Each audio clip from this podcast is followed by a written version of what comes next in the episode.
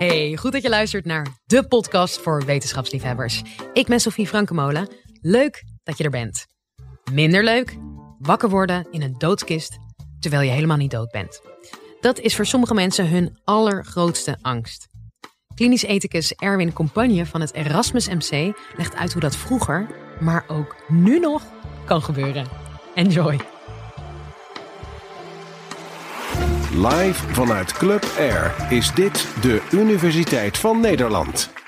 het is een van de grootste angsten van mensen om doodverklaard te worden terwijl je dat niet bent. En er sterker nog, om begraven te worden als je dus niet dood bent. Of gecremeerd te worden als je niet dood bent. Dan ga je wel dood van hoor. Van crematie.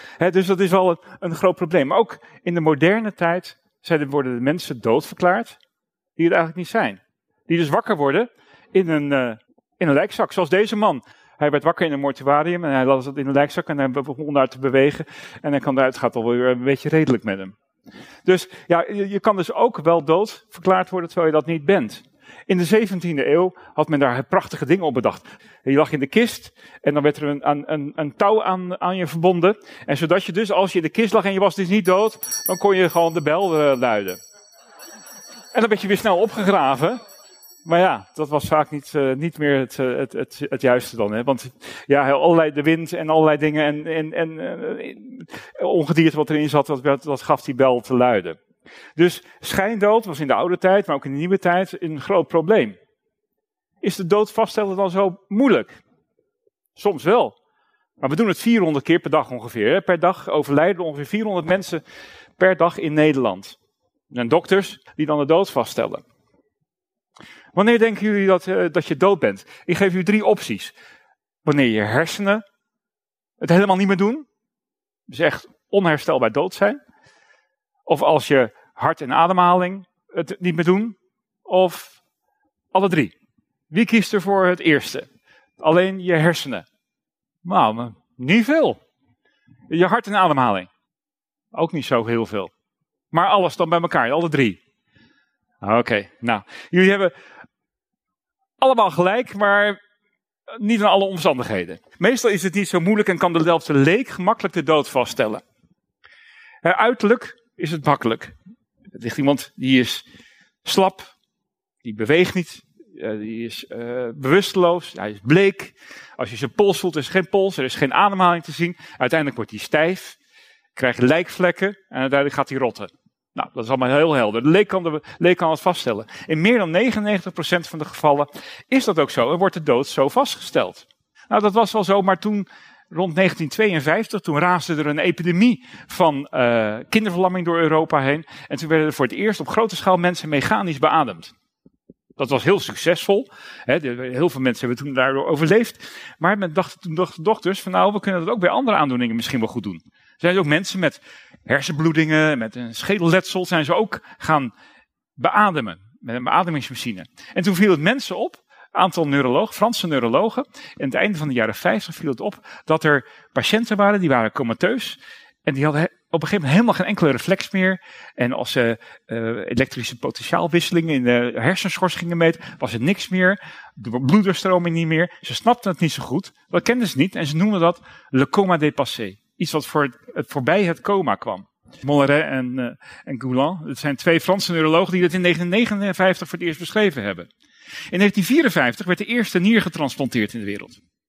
Transplantatiegeneeskunde kwam op. Maar de transplantatiegeneeskunde had met twee grote vijanden te maken. De eerste was de afstoting van het orgaan. Je kreeg een orgaan van een ander, dat je lichaam zegt wegwezen ermee. En het andere was van de donorkant. De donorkant, want die was, dat heette warme ischemie. Het lichaam is warm als het net dood is. En het is ischemisch geen zuurstofrijk bloed meer. Dus je moest die organen heel snel eruit halen om ze te kunnen transplanteren. In 1962 was er een groot internationaal transplantatiecongres. En er was een Duitse transplantatiechirurg, Guy Alexander. En die zei, joh, wij lossen dat op een, op een, makkelijke manier op, op zijn Belgisch.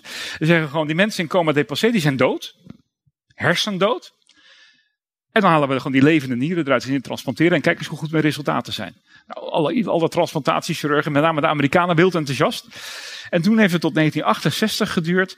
Toen is de toen heeft in een commissie in Harvard, Amerika, hebben criteria opgesteld op basis waarvan de hersendood werd kon worden vastgesteld.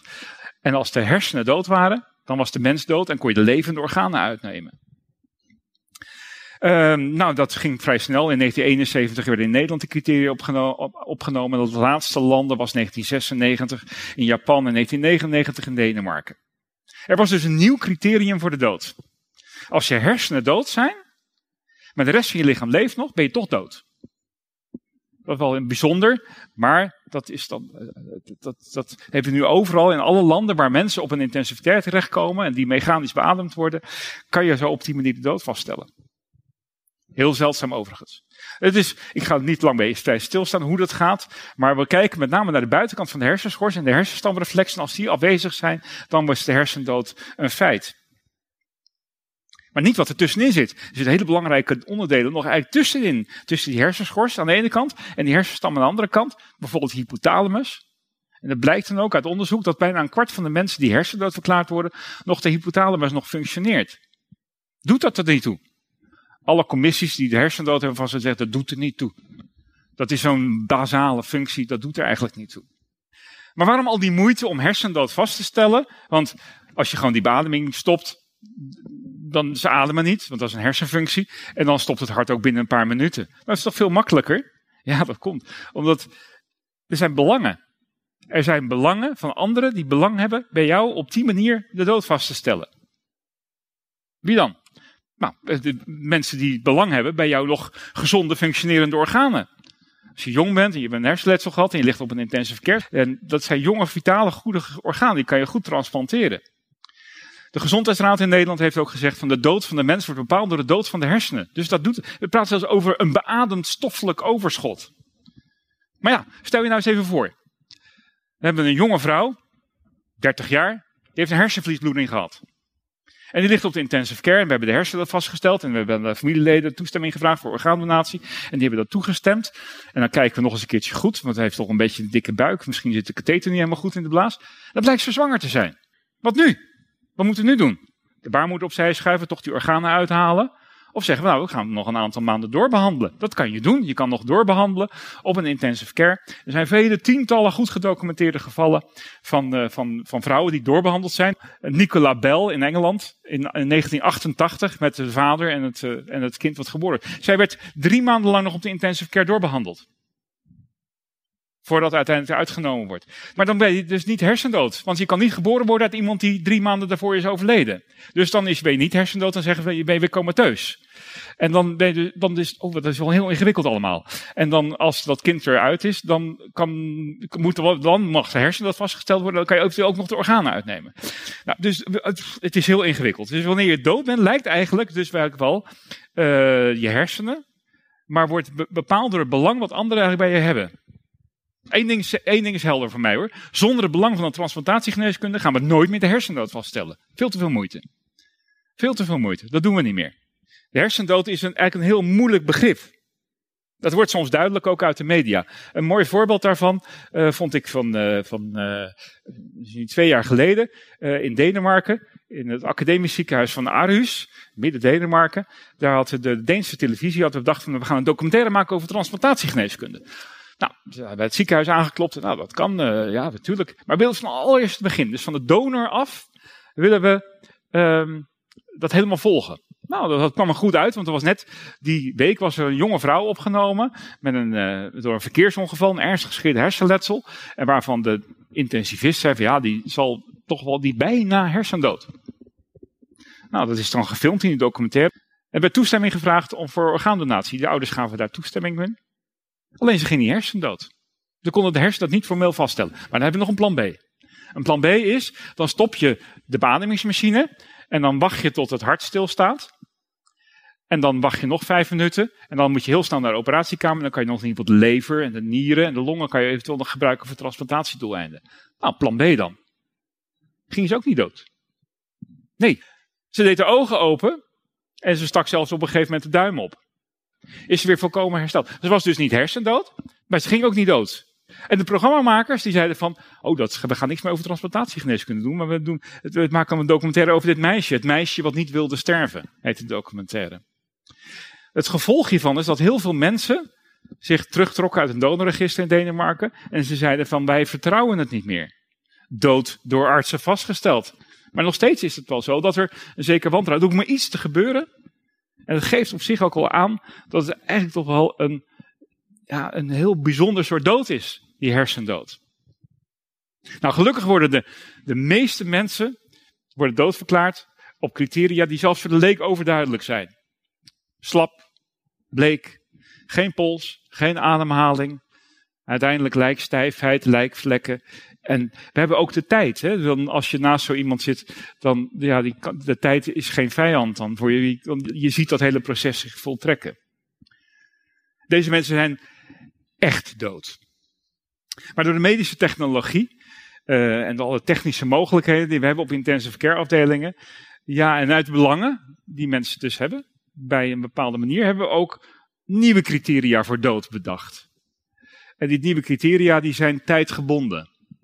Want als het niet meer nodig is om organen van deze patiënten te gebruiken voor transplantatiedoeleinden, zullen we de hersendood nooit meer vaststellen. Dus wanneer je dood bent, is eigenlijk nu gewoon een afspraak. Van als je daar dan voldoet, dan ben je zo dood. En dan als je daar niet aan voldoet, ben je op een andere manier, ga je op een andere manier dood. Dus ook als er iemand op de intensive care is waar we de hersendood hebben vastgesteld, dan schrijven we vaak op de overlijdensverklaring pas het moment dat het hart stilstaat. Maar dan moeten we, als we het hart eruit nemen, moeten we hem eerst dood verklaren, want anders dan maken we hem dood door het hart eruit te nemen. Dus het is al wel weer heel ingewikkeld. Hersendood is heel erg zeldzaam, gelukkig maar. En het wordt steeds zeldzamer. Maar het levert nog steeds heel veel vragen op. Nog altijd. Dat was Erwin Compagne. Ik hoop dat je hebt genoten van de aflevering. En wil je nog even verder luisteren? Check dan vooral de rest van onze playlist. Want we hebben nog veel meer colleges voor je in de aanbieding. En er komen er elke week twee bij. In de volgende aflevering hoor je of een overheid zich wel zou moeten bemoeien met religie. Tot de volgende.